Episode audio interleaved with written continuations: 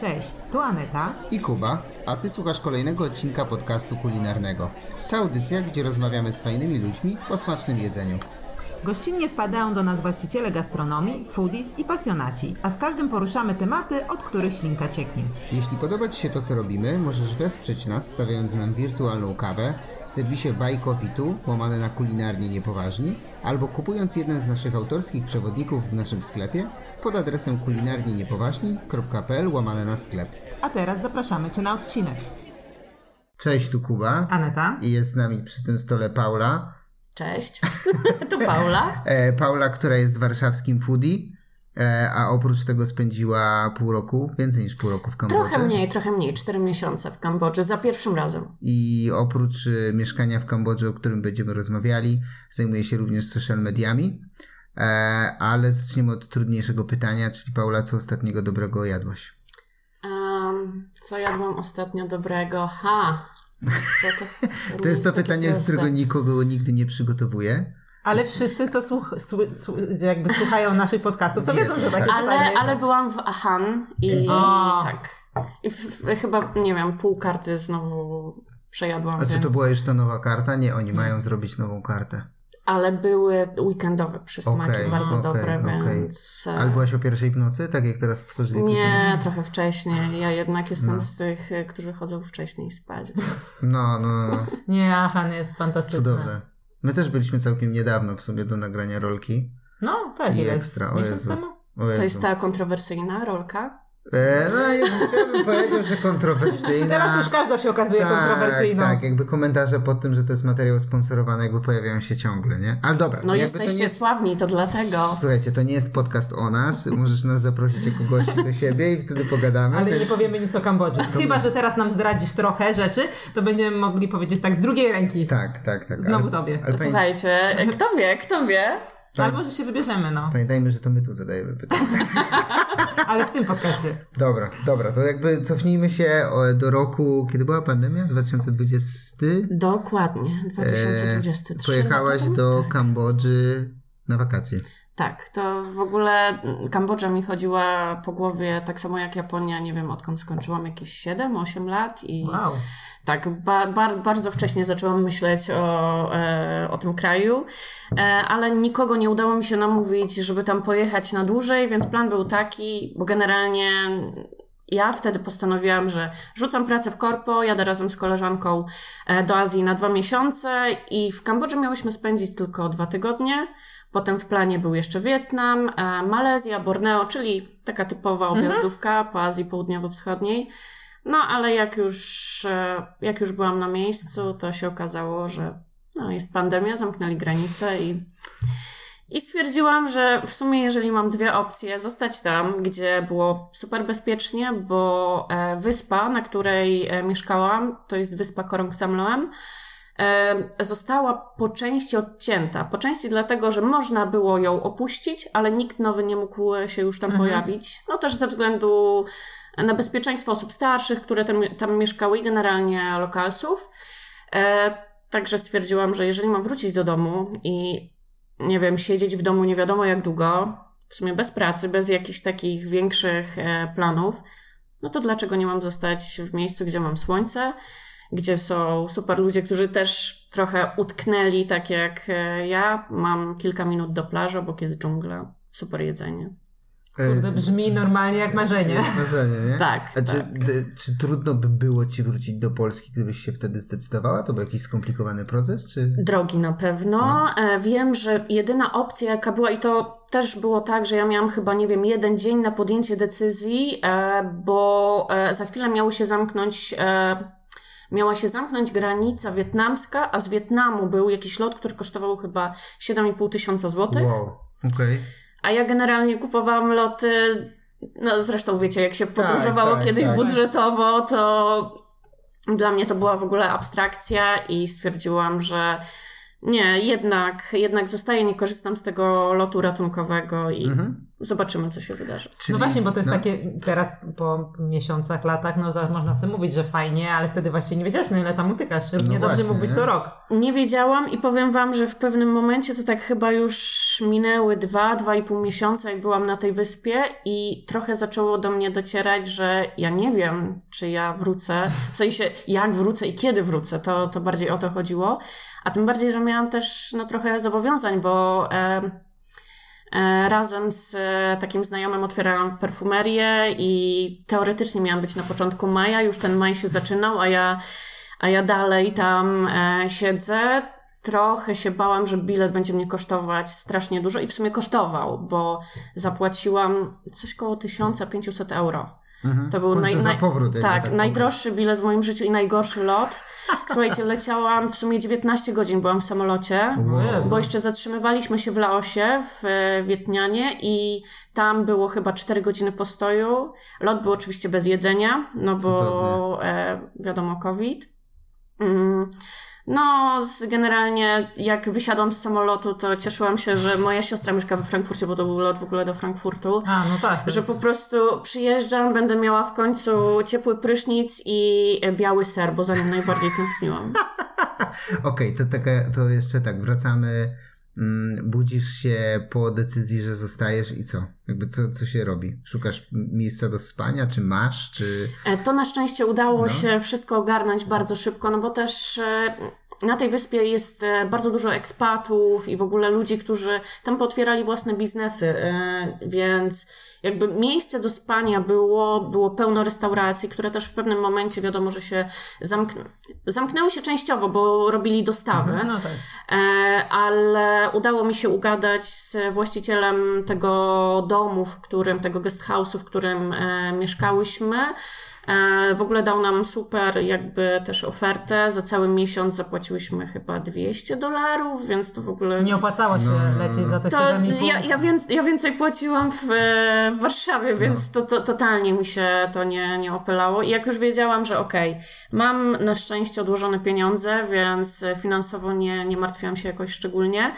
E, mam już miejsce, gdzie będę mogła zostać, to słuchajcie, ja się obudziłam i pamiętam, że poszłam na takie moje ulubione molo i ja po prostu zostawiłam rzeczy na tym molo, położyłam się na wodzie i tak dryfowałam, nie wiem, chyba z godzinę i nigdy nie czułam się tak wolna jak wtedy. Nigdy. To Nice. chyba był jeden z najlepszych momentów mojego życia. To jest taki prawdziwy urlop, nie? Jakby, Tak. Bo nawet wiesz, że nie wrócisz jakby w ciągu dwóch tygodni do domu Dokładnie. i do pracy, nie? Jezu, no Takie fantastycznie. oczyszczające. A duża w ogóle ta wyspa była, na której tam utknęłaś?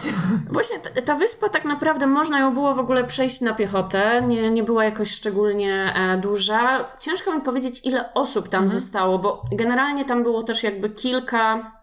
Jest kilka części. Ja mieszkałam akurat w takiej backpackerskiej wiosce. E, to jest e, wioska, która się nazywa Empey Bay. I tam e, jakby mieliśmy dostęp do wszystkiego, co było nam potrzebne, czyli było jedzenie. E, jakby jeżeli ktoś naprawdę chciał opuścić wyspę, to spokojnie mógł. Zresztą o to też prosił taki jakby mer wyspy, to też chyba Brytyjczyk. Nie jestem pewna, no ale taki mężczyzna, który w ogóle dzisiaj bierze ślub. E, A, okej, Zauważyłam na okej. Instagramie, tak. E, on tam chyba z 8-10 lat mieszka i właśnie też na początku zebrał wszystkich turystów i zapytał, czy e, kto może wrócić, to lepiej, żeby, żeby wrócił, żeby też po prostu nie narażać e, tych osób tam mieszkających, no bo wiadomo, Kambodża ma warunki, jakie ma, tam jedna trzecia tak. ludzi w ogóle nie ma dostępu do, do wody bieżącej, też jest e, bardzo duży analfabetyzm, więc no i z dostępem do, do szpitali, do lekarzy wcale nie było tak łatwo, więc już te osoby, które zdecydowały, że zostają, no to lepiej, żeby zostały po prostu i stały się trochę częścią tej społeczności. Okej, okej. I trudno było się zasymilować wtedy? Czy... W ogóle. W ogóle. Jak ci ludzie w ogóle zareagowali? No, bo pewnie trochę ludzi tam zostało, nie? Białych jakby Tak. turystów. Tak, tak, tak. E, część osób e, od razu jakby postanowiła wrócić, ale ta grupa, która została, to no tak naprawdę my mamy kontakt do dzisiaj, bo można powiedzieć, że my jak jedna wielka rodzina tam mieszkaliśmy.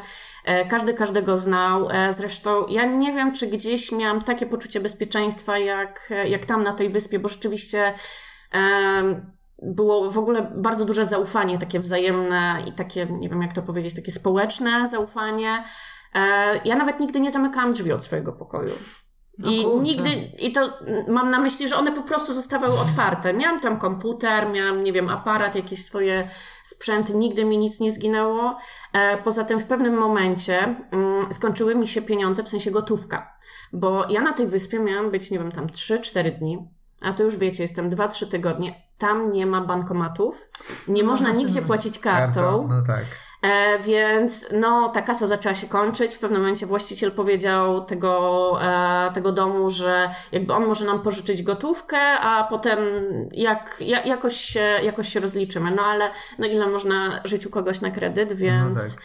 e, zaczęliśmy szukać, zaczęłyśmy szukać z koleżanką jakiejś opcji i jedyna jaka była, to wyglądało to w ten sposób, że jeżeli jedna osoba z wyspy jechała razem z dostawcami żywności e, na, już na ląd, dawało się jej kartę razem z PIN-em i Okej. ta osoba dla w ogóle całej grupy e, wypłacała te pieniądze, więc... Wyobrażam sobie gościa, który jest takim naręczem kart, nie? Z plikiem gotówy i, wraca potem Tak, tak, tak. I no, jakby za pierwszym razem to dla mnie też było, to był w ogóle mega stres.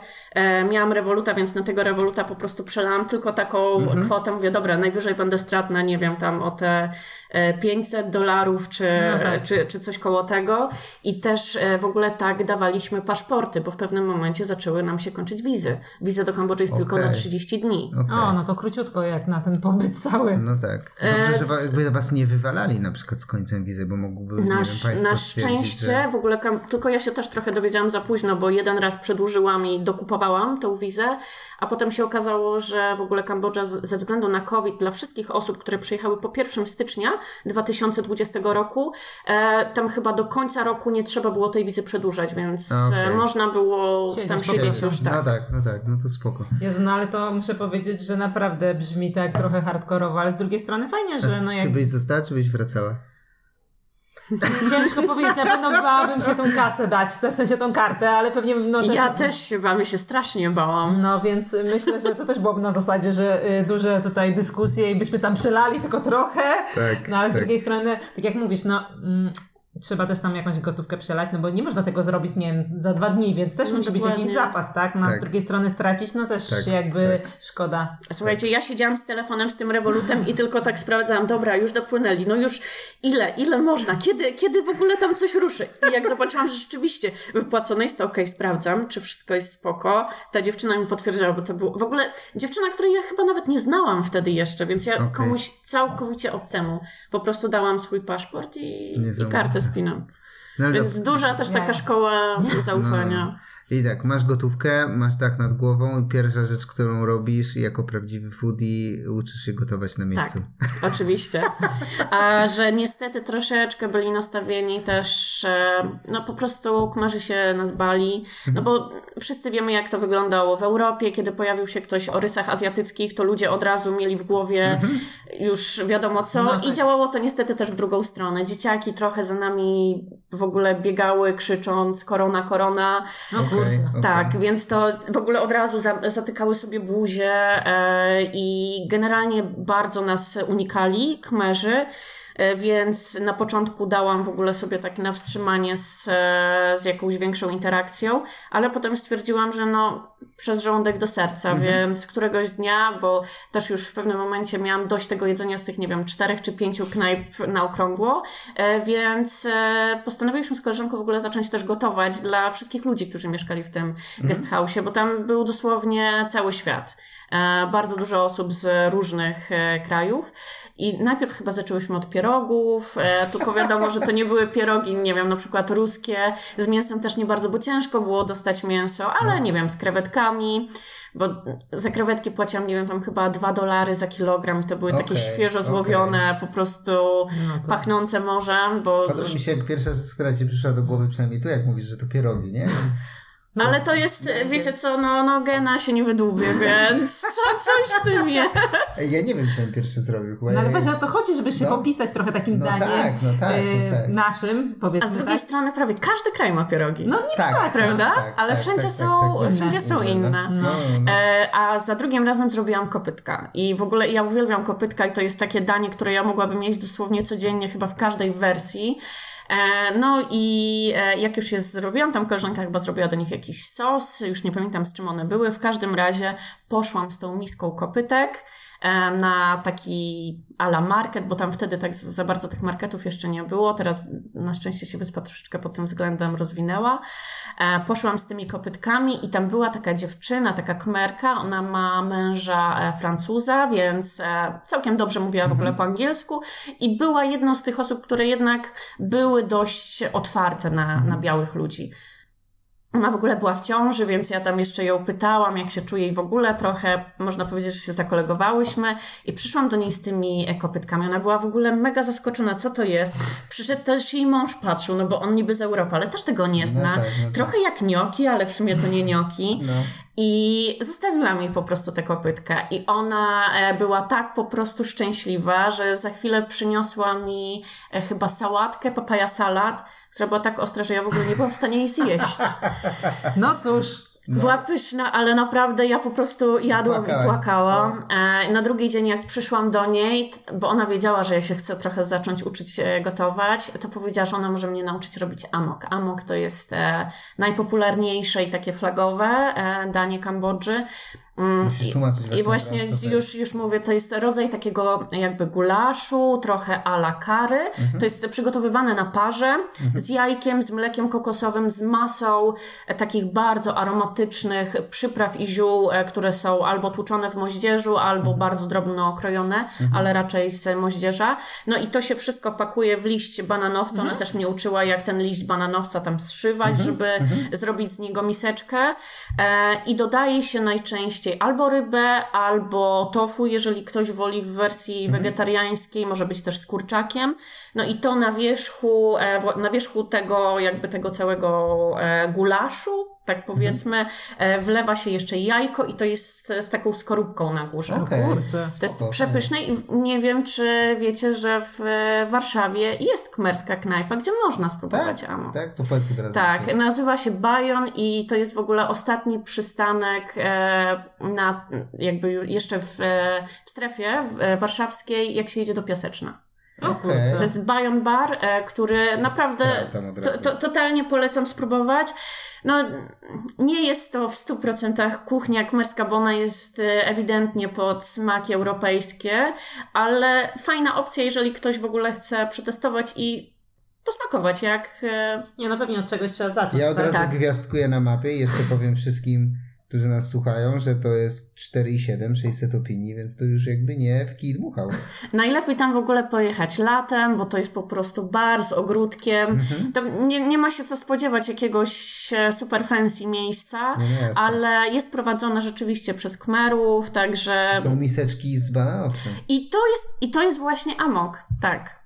Kurczę, no, Nice. Tak. wygląda naprawdę fajnie. No, Ja to jeśli chodzi o tą kuchnię, to ja zupełnie nic. zupełnie nie. Właśnie, jakbyś mogła przybliżyć kuchnię, jak już tu jesteśmy, Mhm. kambodżańską i porównać jej do jakiejkolwiek innej, bardziej znanej Azjatyckiej. kuchni azjatyckiej, czyli wietnamskiej albo tajskiej, jakby jak to, czy to ma się jakoś... To ja bym powiedziała, że to jest miks kuchni e, wietnamskiej, e, chińskiej, chociaż to jest tak szeroko, No tak, no tak. tak szeroki temat, e, i tajskiej. Nawet e, język w ogóle kmerski i tajski są e, bardzo podobne do siebie. I myślę, że tak jak, nie wiem, na przykład my się z Czechami całkiem Mhm. dobrze dogadamy, to, to tak do, dogadaliby się Tajowie z e, Kmerami.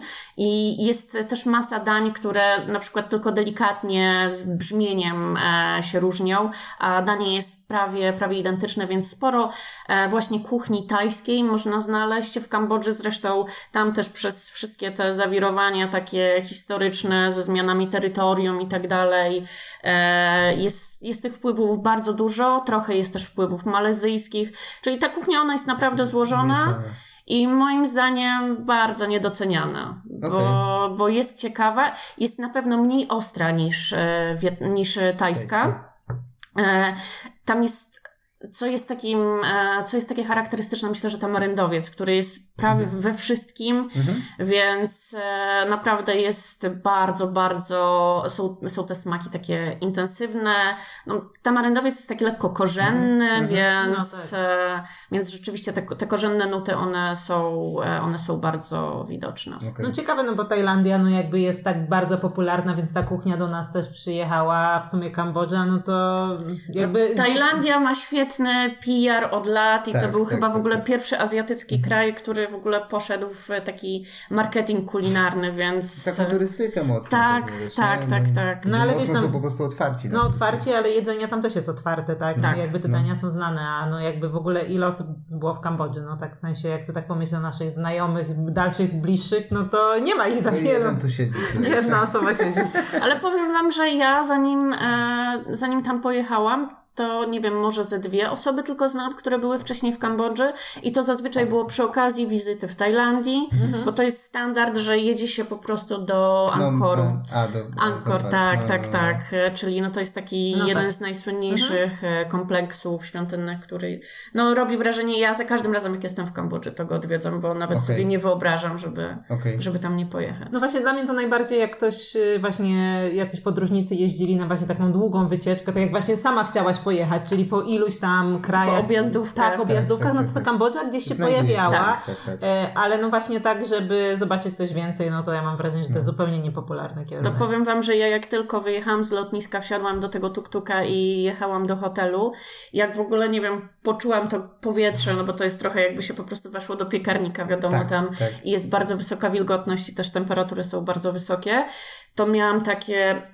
Ale żałuję, że będę tu tylko dwa tygodnie. Zostałabym tu dłużej. Wrócę No tu, wrócę jest- tu. widzisz. No i, i wróciłam i zostałam dłużej. Ciało, y, ten, y, prawo przyciągania. Tak, Tak, tak, tak. tak. Coś w tym jest. I y, wracam w takim razie jakby do pobytu. I uczyłaś się gotować. Tak. I, I ta dziewczyna cię uczyła? E, tak, ale tak naprawdę z nią miałam tylko to jedno takie, takie spotkanie, gdzie rzeczywiście od początku do końca ja gotowałam, a zazwyczaj, no bo ona też z racji tego, że, że była No tak. w ciąży, no to No tak, wiadomo, no tak. nie, nie miała też za wiele siły, aczkolwiek jej mąż bardzo pomagał jej tam w kuchni, co też było też, co, co było też taką e, różnicą w stosunku do tego, co, co widać w rodzinach kmerskich, bo jednak to kobiety Mhm. gotują, mężczyźni nadzorują, siedząc zazwyczaj z papierosem przed, z To jest piwem. współczesna wersja polowania.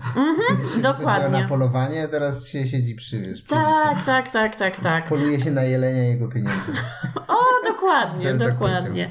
E, no i e, my po prostu więcej czasu spędzałyśmy rozmawiając, więc ona mi tam opowiadała, jak przygotować e, to danie, jak zrobić inne, więc raczej to było takie trochę mniej praktyki niż bym chciała, no ale bardzo dużo też mi dało i po powrocie rzeczywiście sama zaczęłam gdzieś powoli przygotowywać te dania. Mhm, mhm.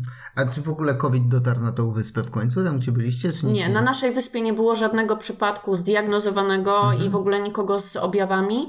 Na wyspie po sąsiedzku, bo to są dwie wyspy, ja w sumie byłam najpierw na jednej, później na, na drugiej, to jest Korong i Korong Samlaem. Tylko ten Korong jest bardziej imprezowy, tak no nie do końca jakby to były moje klimaty, więc szybciutko stamtąd uciekałam, a ta druga jest bardziej taka backpackerska i mam wrażenie, że mocniej tam można w ogóle poczuć klimat Kambodży, tak się z tymi ludźmi w jakiś sposób, chociaż nie wiem, odrobinę zbratać, e, to na tej wyspie właśnie, na które, z której ja uciekłam, tam były, uciekłam w ogóle, jak to brzmi strasznie. E, dodałam trochę dramatyzmu, dobrze, dalej. Punkt nominacyjny. E, okazało się, że tam właśnie była para jakichś starszych Niemców, którzy okazało się, że, że byli chorzy. U nas na szczęście udało się nie. Okej, okej. Ale powiem wam taką ciekawostkę, bo w tym samym czasie, kiedy e, ja tam byłam i moja mama oczywiście i cała rodzina, każdy był zestresowany, czy wszystko tak. jest ze mną w porządku, czy jestem bezpieczna, czy nie, czy nie jestem głodna, czy mam co jeść przede No tak, wszystkim. no tak. I któregoś razu, w ogóle nie wiem, to była jakaś taka pora absurdalna, zadzwoniła moja mama totalnie przerażona. I mówi tak, Paula, e, powiedz mi prawdę, czy ty masz co jeść? I ja tak. No, Paula to co na jedzenie, nie?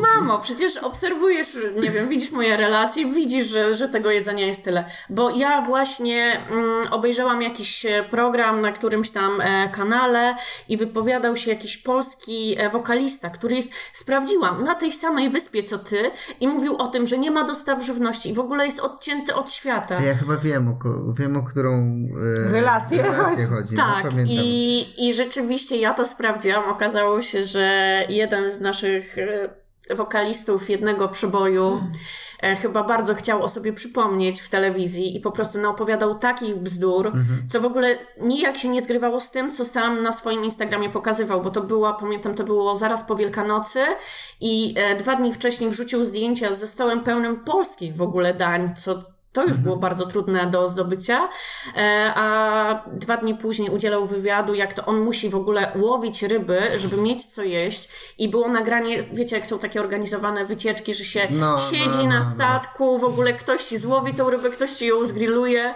a tam po prostu tak dramatyczna relacja. Ja mówię, naprawdę, jak można w ogóle pokazać e, rzeczywistość, No, jak, jak no, no. można naściemniać. O A potem Boże. jak media jakby to No nadmuchują, nie? Jakby puszczają dalej w świat. w ogóle No ale ludzie się potem stresują, no właśnie tak No jak twoja mama, tak. tak? No jakby Tak, od tak, razu, tak, wiesz, tak. no tutaj... I sporo osób w ogóle do mnie pisało. Jeszcze śmieszna sprawa, że to był jeden, jedyny raz, jak w ogóle znalazłam się na pudelku, bo w, gdzieś tam w komentarzach ludzie zaczęli mnie oznaczać e, na pudelku i tak mówię, o, okej, no dobra. Wow. Nieźle. No to fajnie. Także chyba po raz pierwszy ktoś e, w pozytywnym w ogóle, nie wiem, jakimś takim aspekcie gdzie, gdzieś tam się pojawił. Mhm. Czy miałeś taki moment, w którym pomyślałeś sobie, pierdolę, nie wracam do Polski? Ja miałam takie momenty codziennie. Czyli dobrze ci tam było. Było No. mi bardzo dobrze i jak już miałam bilet, jak już wiedziałam, że, że wracam, to pamiętam, że nawet koleżanka, która zajmowała się e, moim kotem podczas mojej nieobecności, ja jej powiedziałam, wiesz co, ja za pół roku tam wracam i ja nie wiem, czy jest sens ją stresować, żebym ją zabierała do domu i potem, żeby ona znowu zmieniała miejsce, bo ja byłam na 100% pewna, że pół roku i ja tam wrócę. Nie ma bata. No, niestety nie udało się tak szybko, bo granice się pozamykały, więc No tak, znowu w właściwie. ogóle Czyli kot wrócił. kot wrócił tak i kot jest cały czas ze mną, tak, tak, tak. A nie miałeś jakiegoś takiego znudzenia na przykład tą wyspą? E, Miał, e, miałam i wtedy stwierdziłam, no, na szczęście to już był ten moment, gdzie mogłam wyjechać z samej wyspy, bo też e, przez dłuższy czas były tak jakby województwa pozamykane, więc ciężko było pomiędzy poszczególnymi rejonami Kambodży się przemieszczać, ale kiedy to już troszeczkę poluzowali, no to razem z, tak naprawdę z grupką przyjaciół, których tam poznałam i z którymi spędzałam większość tego czasu, bo wszyscy już czuliśmy, że no wiecie, jakby fajnie, że jest plaża, że można pójść do dżungli, że można zrobić Słońce. kemping, słońce i w ogóle, ale w pewnym momencie no człowiek Skóra już nie będzie bardziej hebanowa. to dokładnie, Jest trzeba coś dokładnie. porobić, no. I też chciałam po prostu zjeść już coś innego, bo to jednak też e, jedzenie bardzo mocno już mnie e, zaczęło tam w pewnym momencie nudzić, bo było. W sensie nie brakowało go, ale też nie było jakiegoś super. E, dokładnie, nie było super dużego No w wyboru. sumie te same osoby ciągle je robiły, tak? Tak, no, tak, tak, tak, tak. I składniki też były te same. Raz mi się udało kefir, pamiętam, gdzieś tam ubłagać właściciela restauracji, żeby mi przywiózł. O Jezu, ale byłam szczęśliwa. Mała rzecz ciebie. Czyli Tak. udało Ci się trochę pozwiedzać jeszcze przy okazji Kambodży. Tak. Potem jeszcze spędziłam miesiąc już poza wyspą i e, tak naprawdę właśnie z tą grupką znajomych e, najpierw spędziliśmy dwa tygodnie w Kampocie. W Kampot to takie trochę jakby Mazury Kambodży.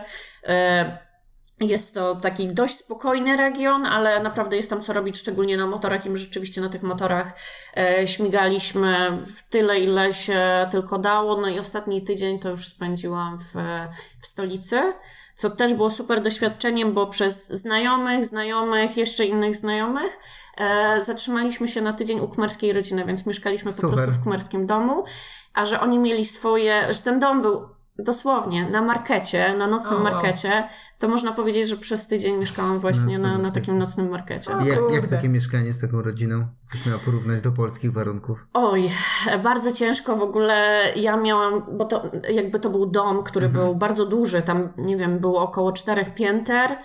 E, I oni mieszkali na dwóch piętrach. E, tam było około ośmiorga, dziewięciorga dzieci, więc Wow. no tam, tam są takie bardzo duże rodziny. No oni jakby spali po prostu w takiej izbie, że tak powiem, za, za tą częścią, gdzie, gdzie gotowali. E, przed tym domem stały w ogóle, wiadomo, tam krzesła, stoliki i można było e, zjeść. Oni przygotowywali taką zupę, e, bardzo smaczną zresztą. E, no i my dostaliśmy takie pokoje, że w tym pokoju był tak naprawdę tylko materac, Mm, żadnej poduszki, ani kołdry i wiatrak, co najważniejsze, bo jednak to, to było super przydatne przy tych temperaturach.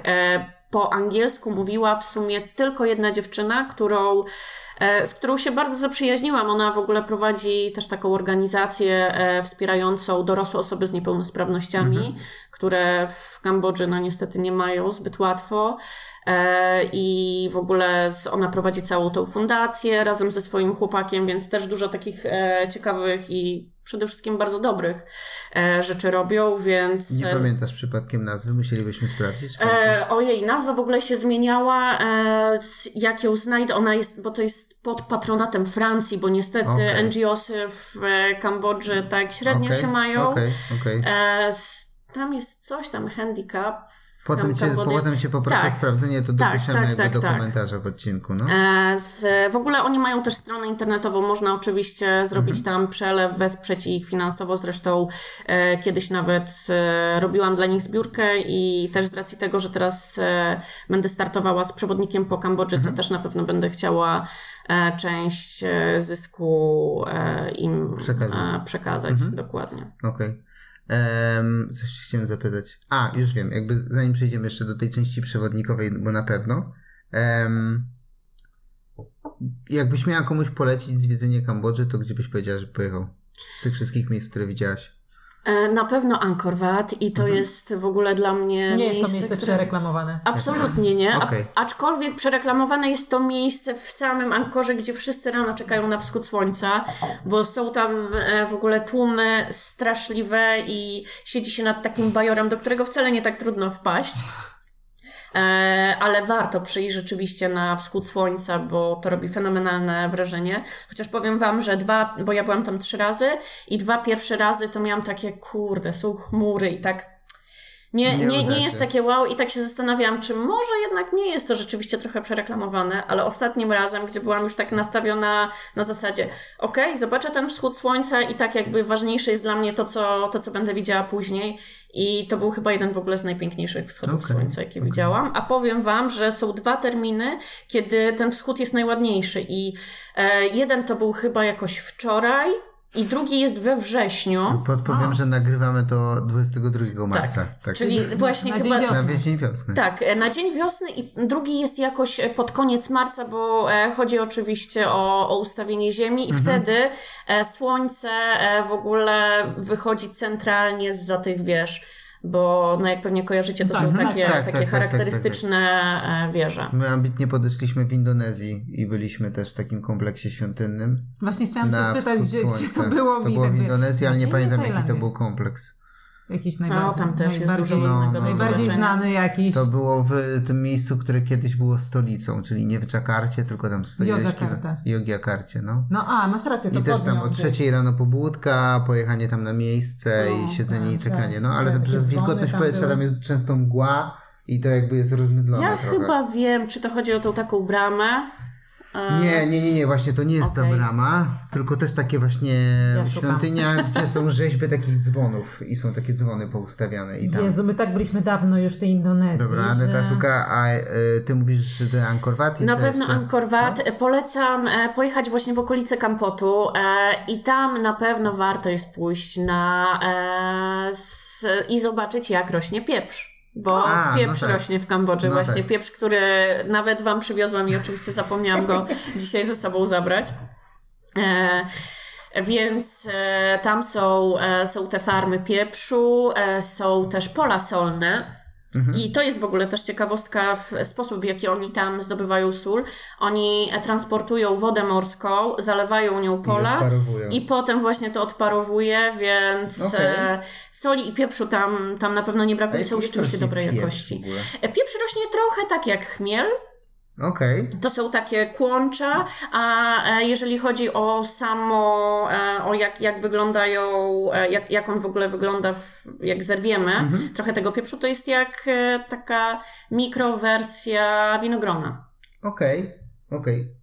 Ciekawe. Nigdy nie, nie zastanawiałem się nawet. I kolor pieprzu też zależy od e, tego, czy e, on był suszony na słońcu, czy był świeższy, czy był młodszy, starszy. Już teraz nie, nie będę pamiętała, z, jakiej, z, jakby z jaki kolor jest wynikiem czego dokładnie. E, Tam też na miejscu właśnie można zjeść ten pieprz chyba w każdej możliwej postaci. Okej. A że Kampot i okolice Kampotu, szczególnie Kep, gdzie jest tak zwany crab market, tam podają właśnie kraby smażone z tym świeżym pieprzem i to jest to jest coś też, co uważam, że każdy, kto jest w Kambodży powinien tego spróbować. Okej, okej. Fajnie, nie wiedziałem nawet o tym pieprzu. Jestem ciekaw, czy oni są jakby dużym eksporterem. Czyli, Tak, tak, bardzo dużym.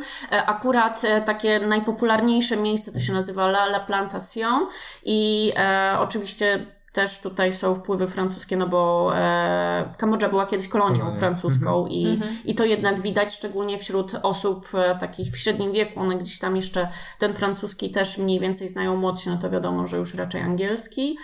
E, I rzeczywiście eksportują e, ten pieprz tak naprawdę na cały świat.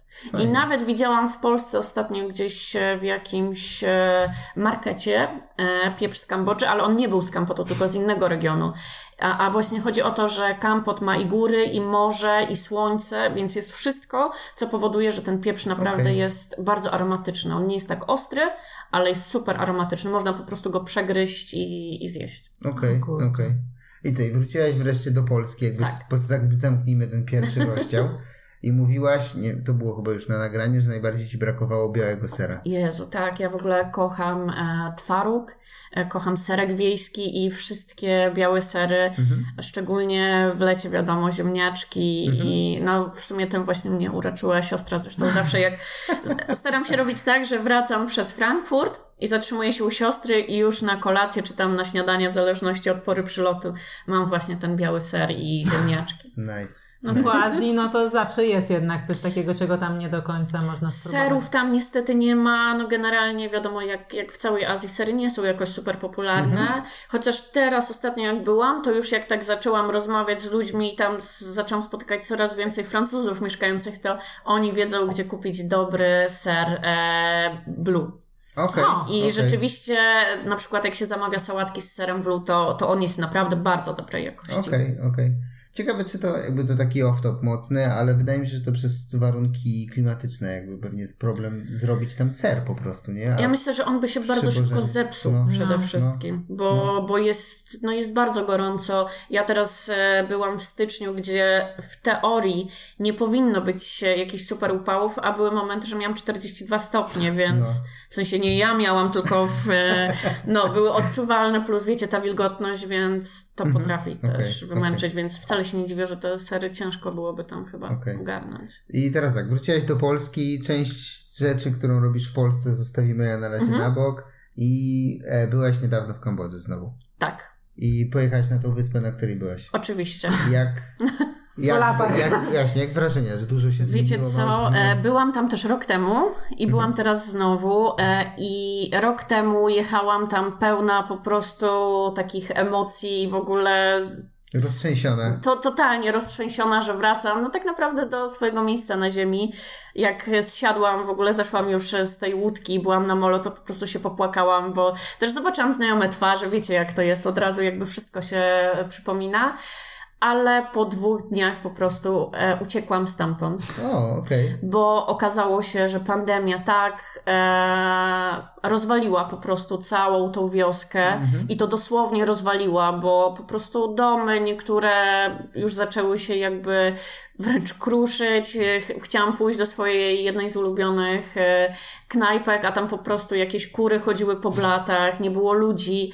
I no Po, trochę. Wyjeżdżali stamtąd ludzie? Tak, bardzo wielu ludzi, którzy mieli tam biznesy, które otwierali po prostu latami i no, rozkręcali latami i naprawdę bardzo dobrze im się tam wiodło. No niestety to, to wszystko musieli pozamykać.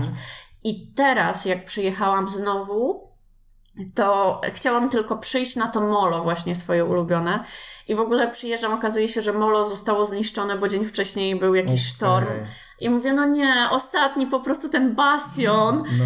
Ale okazało się, że turyści zaczęli wracać i wrócili właściciele też Okej. e, tych restauracji i w, nawet powiem więcej, jakby e, mega zaczęli rozkręcać tą Mhm. wioskę, ale na szczęście nie w takim stopniu, że ona się jakoś, nie wiem, zrobiła bardzo komercyjna, Mhm. tylko po prostu jakby był cały czas ten urok taki backpackerski, ale też e, trochę zaczęli tam cisnąć tych kmerów mieszkających, żeby oni też gotowali, więc pojawił się street food, pojawiło się takie jedzenie właśnie typowo kmerskie, którego wcześniej było bardzo niewiele i e, jeżeli mogę e, komuś polecić, to totalnie polecam e, wioskę Empey Bay właśnie na Korong Samlem. Jest niesamowity klimat, są bardzo przyjaźni ludzie, jest w ogóle jestem też właścicielem jednej z takiej najlepszych śniadaniowni, w których w ogóle byłam.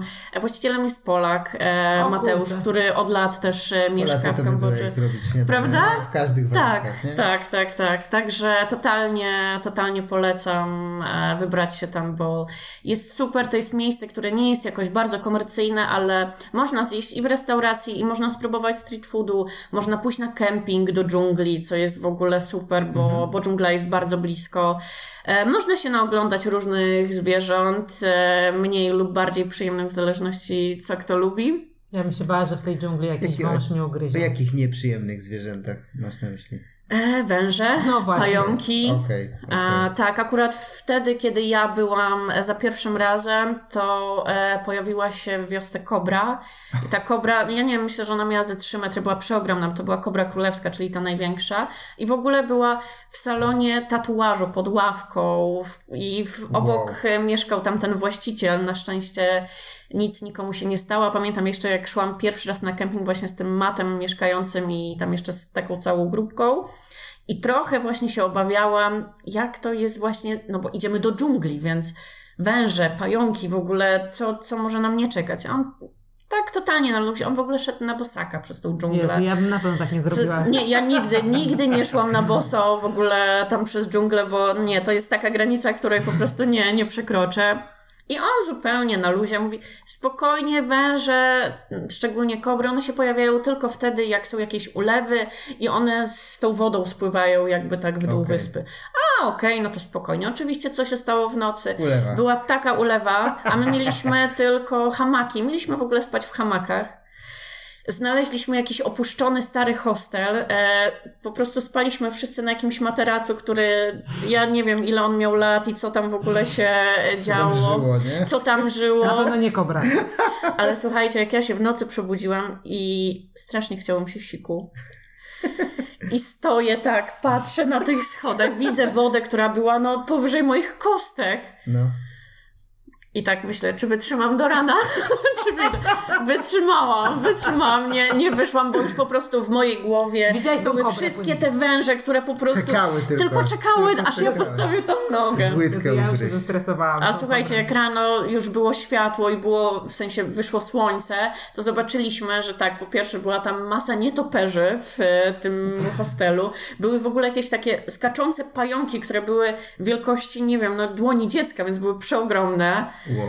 Także tak sobie pomyślałam, że całe szczęście, że my nie widzieliśmy tego No, dzień no. wcześniej. Nie zmrużył oka nawet, nie? Tak, Wszyscy by na tych Masakra. schodkach i zastanawiali się, co lepsze, tak, czy, czy, czy wejść, czy nie wejść. Masakra. O Jezu, nie. Ale tak, jakby dobrze słyszeć, że ta wioska w ogóle odżyła i to Tak. jest super wiadomość. To jeśli tam przyjechałaś tylko zobaczyć to molo albo tą wioskę, to rozumiem, Zostałam że... dłużej. A, zostałaś dłużej, okej. okej. Zostałam dłużej, właśnie też e, okazało się, że bardzo dużo tych osób, których nie widziałam od dwóch lat było, więc po prostu za każdym razem to były takie no poruszające. E, spotkania, e, też pootwierało się parę nowych miejsc, w ogóle super ciekawych. E, zresztą jak e, ktoś jest zainteresowany, to, to też mogę zaprosić na, na swojego Instagrama, bo tam Mhm. dużo tych miejsc pokazuję, opisuję też je i to są i miejsca z jedzeniem i generalnie takie, które moim zdaniem warto po prostu e, zobaczyć w Kambodży. Też trochę jest o tych ludziach, których, e, których tam poznałam. Także tak, zostałam chyba, miała być jedna noc, a finalnie byłam chyba cztery albo pięć. Okej, okej. No, ale I, I ze smuteczkiem wyjeżdżałam. Ale trochę ci czasu jeszcze zostało na tak, nasze zwiedzanie. Tak, tak. Czy Jesteś taką ambasadorką Kambodży już teraz, można powiedzieć. No, Dużo namówiłaś chciałabym. ludzi, że, którzy tam pojechali? E, nie wiem, czy dużo osób namówiłam, ale bardzo mnie cieszy za każdym razem, jak gdzieś tam na Instagramie się odzywa ktoś, że jest albo w miejscu, które polecałam, albo po prostu gdzieś tam obserwując moje relacje stwierdził, że spędzi w Kambodży nie dwa dni, a na przykład dwa tygodnie i że jest generalnie bardzo Super. pozytywnie zaskoczony, więc no to jest e, jakby dla mnie najważniejsze, bo bardzo, bardzo bym chciała, żeby jednak ta Kambodża się rozkręciła, a potrzebuję do tego turystów. Mhm. No, chyba bez tego się nie da, niestety. Dokładnie. Chyba mam ostatnie pytanie, jakby jeszcze o tą podróż. Czy jest drogo, jak się planuje wizytę turystycznie? I tutaj będzie bardzo dyplomatyczna odpowiedź, czyli to zależy. No, no. Bo e, można Kambodżę zrobić w opór tanio, ale wiadomo, że można też znaleźć miejsca, które są droższe. E, pytanie, czy chcemy jeść tylko street food, czy chcemy chodzić też do, do restauracji, czy jemy mięso, czy nie jemy mięsa, bo jeżeli ktoś nie je mięsa, to absolutnie nie jest tak. Dużo osób myśli, że e, w Kambodży nic nie zje, bo nie ma tam w ogóle jedzenia dla wegan i do wszystkiego dolewają sos rybny. No rzeczywiście, jeżeli chodzi o street food, to tak jest, niewiele jest dań, które są e, wegańskie czy nawet wegetariańskie, ale da się to zrobić. A e, jest masa miejsc e, w miastach, i to są takie knajpki, których myślę, że naprawdę w Warszawie byśmy się nie powstydzili z różnego rodzaju bowlami, no bo tam wiadomo, że jest też masa różnych owoców. No tak, no. No tak. E, bataty po prostu są chyba w każdej możliwej postaci. E, jest też komosa ryżowa dostępna, więc jeżeli ktoś e, poszuka, to na pewno, na pewno nie będzie głodny. Zresztą e, też z kilkoma osobami, które właśnie są wege, nawet pisałam i dawałam im porady, gdzie konkretnie chodzić i jeść, bo na każdym, jakby w każdym punkcie podróży, gdzie się pojedzie, na pewno znajdzie się Okej, przynajmniej okej, dwa takie okej. miejsca. Czyli jest przyjazna, że tak powiem, finansowo. Tak. A jeżeli chodzi o street food, no to jedzenie zaczyna się od dolara, czyli 4 zł za posiłek. No to drogo nie jest. Jest, więc jest, jest super tanio, jest wszystko rzeczywiście robione na bieżąco. No tak jak e, też podróżowaliście po Indonezji, to, to, to wiecie jak, jak to jest ze warunki, street no. foodem. Tak. No, no, okej. Jeżeli chodzi o ceny w restauracjach, bo pamiętam, że miałam kilka takich sytuacji, że ktoś do mnie pisał zdegustowany, że ta Kambodża jest taka droga, bo e, danie w restauracji kosztowało na przykład 12 dolarów, tylko że to była jedna z e, najbardziej że tak powiem, fancy restauracji No. w Kambodży, a cena wcale nie jest wyższa niż e, w Warszawie. No tak. No zdecydowanie, nie u Prawda? nas najbardziej fancy, to myślę, Tak. że trzeba było trochę zery dorzucić tam. Spokojnie, spokojnie, nie? Przystawka, nie, przepraszam, woda w butelce, nie? A 12. wszędzie jest darmowa woda i to jest w ogóle super, O. że do jedzenia zawsze w każdej restauracji dostaje się butelkę z wodą i woda jest e, za free, a e, przy street foodzie najczęściej to jest herbata. To jest super. I po prostu dostaje się albo e, ona, ona może być podana ciepła i na przykład podają też do tego lód, Mhm. Mm, albo jest w wersji schłodzonej, jeżeli się wcześniej poprosi i ona jest darmowa i nigdy Fajnie. się za nią nie płaci. Fajnie, spoko.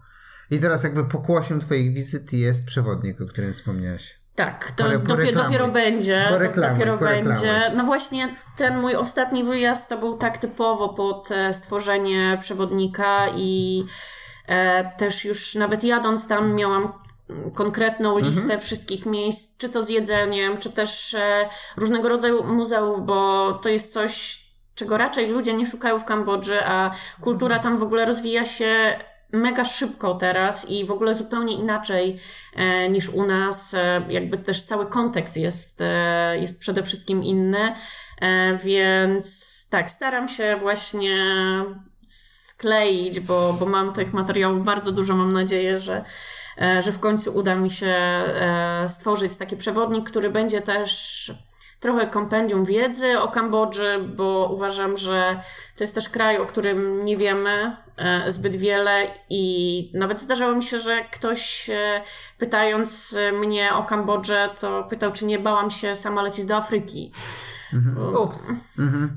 No jakby nie, nie oceniam, to, to nie jest kraj, o którym my się uczymy też w szkołach, więc No, jeżeli ktoś nie jest zainteresowany, ma prawo nie wiedzieć, gdzie, gdzie jest dokładnie e, na mapie, E, więc na pewno bardzo dużo będę chciała e, tam napisać o samej historii, e, ale też o takiej historii kulinarnej, o całym tym e, zapleczu właśnie związanym z jedzeniem, o wszelkiego rodzaju ceremoniach, o tym, co je się tam na ślubach, e, co je się na Nowy Rok, co je się na świętowody, bo jest też e, świętowody z racji tego, że w Kambodży jest pora sucha i deszczowa, więc e, jakby też te celebracje, chociaż z jednej strony niby tak różne od naszych, to, to jest tam masa rzeczy, które są podobne, e, podobne do tego, co my mamy, chociażby e, u nas jest lany poniedziałek, w Wielkanoc, a w tym samym czasie w Kambodży jest e, Khmerski Nowy Rok i też oblewają się wodą, więc Okej, Proszę. okej, nieźle. tak. Czyli woda jednak jest w wielu kulturach. No, Zgadza no, no, się. no. I to też takie jakby wstępnie było takie zaczepne, że chłopaki oblewa, chłopak oblewał zazwyczaj tą A, dziewczynę, która mu się podobała. Podobała. Teraz to wiadomo, każdy, Każdego. każdy każdego, No No tak, dokładnie. ale historia jest to trochę chyba inna. zanikł trochę ten zwyczaj. jakby. No, na wsiach jest. Ja Na jestem z Lubelszczyzny, więc ja pamiętam u nas całe dzieciństwo to po prostu, to był, u nas był lany tydzień, a nie lany poniedziałek. I z tego, co, co widzę, moi kuzyni, no, oni nie odpuszczają młodsi, więc Mhm, cały czas można jeszcze gdzieś znaleźć. Em, i coś chciałeś Nie, no powiedzieć, chciałam powiedzieć, że generalnie bardzo trzymamy kciuki i mam nadzieję, że uda Ci się jak najszybciej stworzyć tego e-booka i ten przewodnik, bo to będzie rozumiem w formie elektronicznej. Tak, tak, Tak. tak. No bo to myślę, że y, bardzo się przyda i taka wiedza, ale też y, po prostu tak kulinarnie, no bo Będą też przepisy. O kurczę, no to Tak. w ogóle. Tak, Czyli tak, tak. Jak ktoś nie pojedzie, to może sobie zrobić Dokładnie. Ja też za, za, za, zapraszam na, na mojego Instagrama ponownie, bo tam też e, powoli staram się e, wrzucać właśnie czy to rolki, czy w ogóle przepisy na, na dania kmerskie, które wbrew pozorom są czasami naprawdę bardzo proste i łatwe do, do stworzenia nawet Mhm, z tego, co mamy w marketach. Teraz też takie zaczepne pytanie, powiedzmy. Oho. E, bo jakby było to zrządzenie losu, że zostałaś tam tak długo, nie? Tak. Czy gdybyś tam pojechała tak, jak miałaś pojechać na objazdówkę, myślisz, że tak spodobałbyś się ten kraj? Miałabyś tyle czasu. Na No. pewno nie miałabyś tyle czasu, żeby go poznać, ale Tak. myślisz, że to pierwsze wrażenie było równie dobre? E, Ja tak naprawdę będąc już na tej wyspie, a jeż, kiedy jeszcze nie wiedziałam, że na niej zostanę, e, już planowałam wyjazd do, do Wietnamu, to już się zastanawiałam, kiedy mogłabym kolejny raz przyjechać, Okej, bo, okej. bo już czułam, że w ogóle złapałam mega flow i z ludźmi e, i kuchnia. No ta kuchnia przede wszystkim bardzo mi podeszła, zresztą ja w ogóle lubię wszystkie chyba kuchnie azjatyckie, i wietnamską i, i tajską, koreańską, a Khmerska jest jakby miksem całej tej Azji południowo-wschodniej. Może nie jest rzeczywiście aż tak rozbudowana, na pewno nie jest tak znana jak tajska, ale, ale jest rzeczywiście e, ciekawa i smaczna, więc e, ta kuchnia też oczywiście okej. zaważyła. Super, super.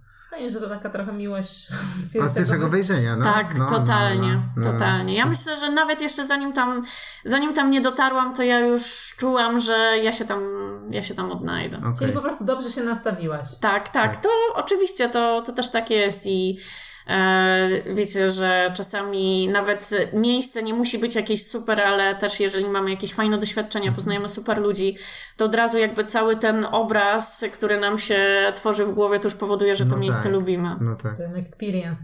Dokładnie. Kiedy, kiedy planujesz następny wyjazd? O Jezu, boję się, bo moja szefowa może tego słuchać. Ale. E, Ale planuję, planujesz, no e, planujesz. na pewno nie w tym roku, bo też e, jak już tam jadę, to wolę pojechać na, na dłużej i miesiąc to jest rzeczywiście taki czas, że nie pędzę, a zdążę zobaczyć wszystko to, co chcę zobaczyć, odpocznę, spotkam się z ludźmi i jakby mam Okej. wszystko, czego potrzebuję od urlopu. Okej, No okej. właśnie, no chyba w tych podróżach, yy, zwłaszcza gdzieś dalej, no to jest taki problem, że wyjeżdżasz na dwa tygodnie i człowiek tak pędzi trochę przez te Tak. kraje albo kraj i tak tylko odhacza i właśnie nie ma czasu nawet tak Dużo- zapoznać się. Wydaje mi się, że przed COVID-em dużo było takiego ciśnienia, żeby ludzie odhaczali Dużo kraje. więcej, tak. Tak, tak. Myślę, że teraz to może trochę zwolniło. Podróżowanie się zrobiło trochę droższe. To, Ludzie to też planują. ma jednak znaczenie. No, no, no, myślę, że na dobre wyszło. Jakby było mnóstwo takich ludzi, ja też takich znałem prywatnie, gdzie było, nie wiem, muszę zrobić 30 krajów do 30, 50 krajów do 30, 200 Ja krajów też do bardzo 30. wystrzegam się tego, żeby, nie wiem, tak jak niektórzy mają w opisie, że odwiedzone tyle i tyle krajów. I ja nawet nie wiem, ile, ile krajów odwiedziłam i jakoś nie mam potrzeby tego liczyć, bo pewnie w tym, w tym czasie, który spędziłam w sumie w Kambodży, to, to mogłabym już wszystkie kraje Azji e, No właśnie, jeszcze tam- zaliczyć. Tak, no właśnie, jeszcze dokładnie. tam wracasz, więc w sumie dla niektórych bez sensu. To No, ja, ja, ale ja cały, słuchajcie, ja cały czas to słyszę i to są zazwyczaj głosy weź, zostaw tą Kambodżę, Tajlandia jest super. W ogóle Tajlandia jest dużo lepsza. Jestem pewna, że Tajlandia jest super. Ja Mhm. byłam w niej tylko przez e, kilka dni. Byłam w Bangkoku, który, no, ja nawet nie zdążyłam go poznać, no bo mm, co to jest? Odhaczałaś te punkty. Dokładnie. tak, Jeszcze tak, miałam tak. to nieszczęście, że w ogóle tak w trochę głupi sposób e, zaklepałam nocleg i ten nocleg był przy Chaos on Road, więc Okej. O, po prostu na, najgorsze miejsce na ziemi i Najgorzej. jakby jak ja się tam przeszłam i zobaczyłam tych ludzi i tak sobie pomyślałam, Boże, mam nadzieję, że tak nie będzie wszędzie. Po spędzeniu kilku dni w Bangkoku pojechaliśmy na Chaos on Road. Jak zobaczyłem rozciągniętego aligatora na grillu stwierdziłem, On "Dob- jest tam zawsze. Dobra, jakby tuk-tuk i wracamy, nie? Tak. Po, potargowaliśmy się z tuk-tukiem, wróciliśmy, bo mieliśmy nocleg koło Chinatown. Kołeczajna. O. I tam było No. sympatycznie. Tam- to jest- Codziennie na mango sticky rice. Tak. E, Słuchajcie, tak. jak ja tam dotarłam, to ja po prostu byłam tak szczęśliwa, bo sobie pomyślałam, Jezu, jednak dobra, w tym Bangkoku jest coś, co, Tak, tak. co mi się podoba. I No. wiem, że ben, ja na pewno będę chciała wrócić do, do Bangkoku i bardzo mi się marzy północ Tajlandii. No my No. byliśmy w Chiang Mai No i właśnie. było naprawdę bardzo sympatycznie. Yy, No jest, jest to miejsce fajne do odwiedzenia, aczkolwiek ostatnio yy, Tasteway mówili, Tak, że widziałam. byli i że strasznie zrobiło się tam turystycznie. Komercyjnie tak. bardzo, tak. No my w sumie jak byliśmy w 2019, 19, no, w marcu. no to pamiętam, że taki wieczorny, taki też mark, znaczy to w sensie, no na, trudno nazwać to market, no taki już market, ale taki trochę właśnie komercyjny, w sensie i ubrania można było sobie Mhm. kupić i street food i wszystko, no to też było bardzo dużo No, osób, no, no, no. więc To jest, my tak to jest nie trochę tak, że każdy... tego, ale no i było dużo, ale nadal była ciekawa moim To zdaniem. jest tak, że e, turyści tam jadą z jakimiś oczekiwaniami, ludzie, którzy tam Oczywiście. mieszkają, też mają jakieś wyobrażenie tego, jak to powinno wyglądać, żeby to sprzedać i, Tak. i tak jest. Znaczy, ja, ja myślę, że największym problemem w ogóle tak już generalnie masowej turystyki jest to, że bardzo często ludzie nie zdają sobie sprawy, że jadą do miejsca, gdzie, gdzie żyją inni. No tak. Że oni nie jadą do jakiegoś po prostu Skansenu. skansenu, Tak, tak, tak, tylko, tylko to jest po prostu żywy organizm, który też się zmienia i, i dobrze, że się zmienia, no bo wiadomo, że są zmiany dobre i złe, ale no fajniej jest pojechać do, nie wiem, do jakiegoś miasteczka, który jest, czy tam na jakąś wioskę, gdzie e, ludzie chodzą jeszcze w tradycyjnych strojach i tak dalej, ale też pomyślmy, czy, czy my byśmy chcieli całe życie spędzić w tej wiosce i chodzić w tych No tradycyjnych właśnie. strojach. Młodzi Pół ludzie... Warszawy miało wyglądać jak chór zawsze No, generalnie. do, do, dokładnie, dokładnie. Bo ktoś ma takie wyobrażenie o Polsce. Jest, tak, tak. jest, tak. jest internet, dzieciaki też e, mają już dostęp do niego, więc widzą, że można inaczej, wyjeżdżają, no i tak, tak. to jest po prostu taka też dynamika, więc... No tak, no właśnie często gdzieś tam ktoś mówi, że o, to właśnie się już zmieniło, to już nie ma prawdziwej i tutaj możemy każde dowolne miejsce jakby Co to wpisać. znaczy, że coś jest prawdziwe? No ale Tak, właśnie, no, tak, bo, tak, właśnie tak. no wiadomo, że jak ktoś był 15 czy 20 lat temu, no to zupełnie to inaczej wyglądało. No sorry, no kiedyś nie było na iPhone'ie mapy, czy na jakimś innym telefonie, tylko faktycznie no jakby się jechało w ciemno trochę, No. tak? No, myślę, że do Azji to tacy prawdziwi podróżnicy wyjeżdżali wtedy, bo... No. No, no, No, jakby to, no. ale nie ma co tu porównywać, Tak. więc jak ktoś sobie mówić właśnie, a no to 10 lat temu, no to było inaczej. No było inaczej, no u nas też było inaczej, no. Ale Ale, teraz- czy my chcemy wracać tak Ale wszędzie da się właśnie? teraz, ale jakby twój przykład pokazuje, że da się prawdziwie zwiedzać, tylko trzeba poświęcić trochę czasu. Tak, i też trzeba być bardzo otwartym przede wszystkim na, na ludzi i wykazać się bardzo dużą empatią, bo ja na przykład e, strasznie nie lubię takich głosów, nie wiem, na przykład na grupach podróżniczych. E, ktoś, jak też nie chcę, żeby to, żeby zabrzmiało, że ja się, nie wiem, w jakiś sposób wymądrzam, bo nie wiem, jaki jest czas, po którym można ocenić miejsce. No nie ma takiej granicy.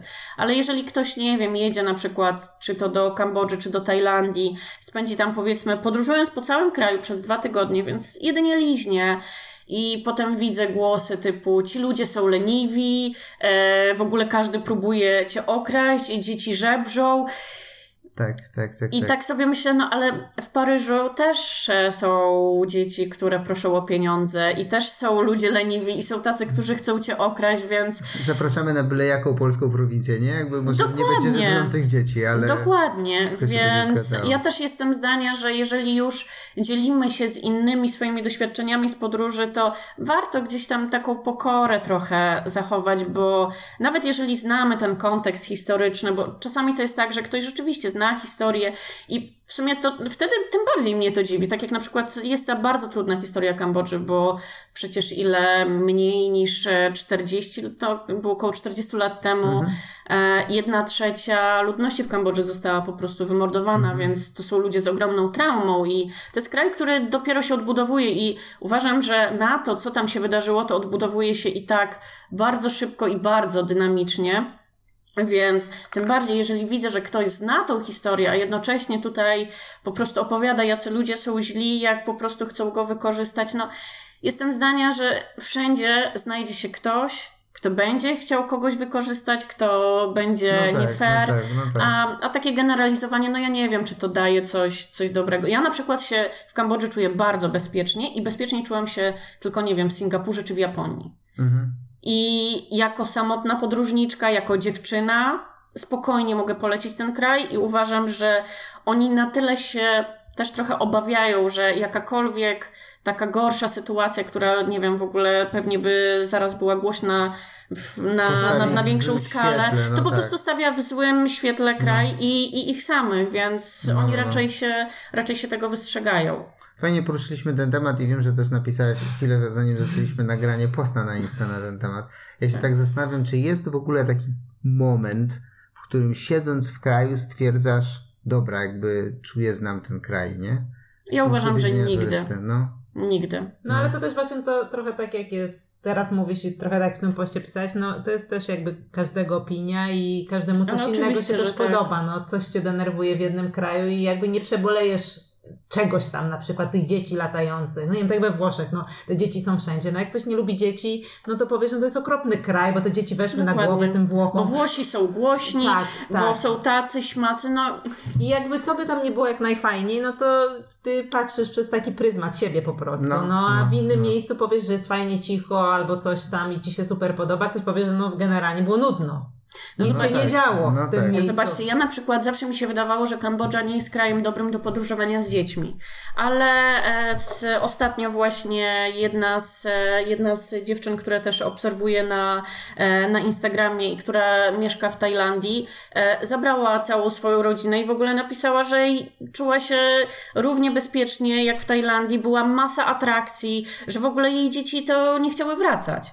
Więc no, ja mówię, to jest też jakby tak uzależnione od, od naszej perspektywy i e, bardzo, bardzo ciężki to jest w ogóle temat tak do, No, no, do no, ogarnięcia. Kto, kto, kto, kto właśnie jest dobrym wyznacznikiem. No. No nie ma, no jakby każdy właśnie ma trochę inną, trochę inną historię, tam przeżyje, wystarczy, że trafi na właśnie na jakieś gorsze osoby i jakby Dokładnie. ten experience wyjazdu, no kojarzy mu się na przykład, że go szukali na 20 Tak. dolarów, I, i tak? pytanie, czego też oczekujemy właśnie No. od wyjazdu? Czy jakichś konkretnych e, obrazków z Instagrama, czy z jakichś blogów?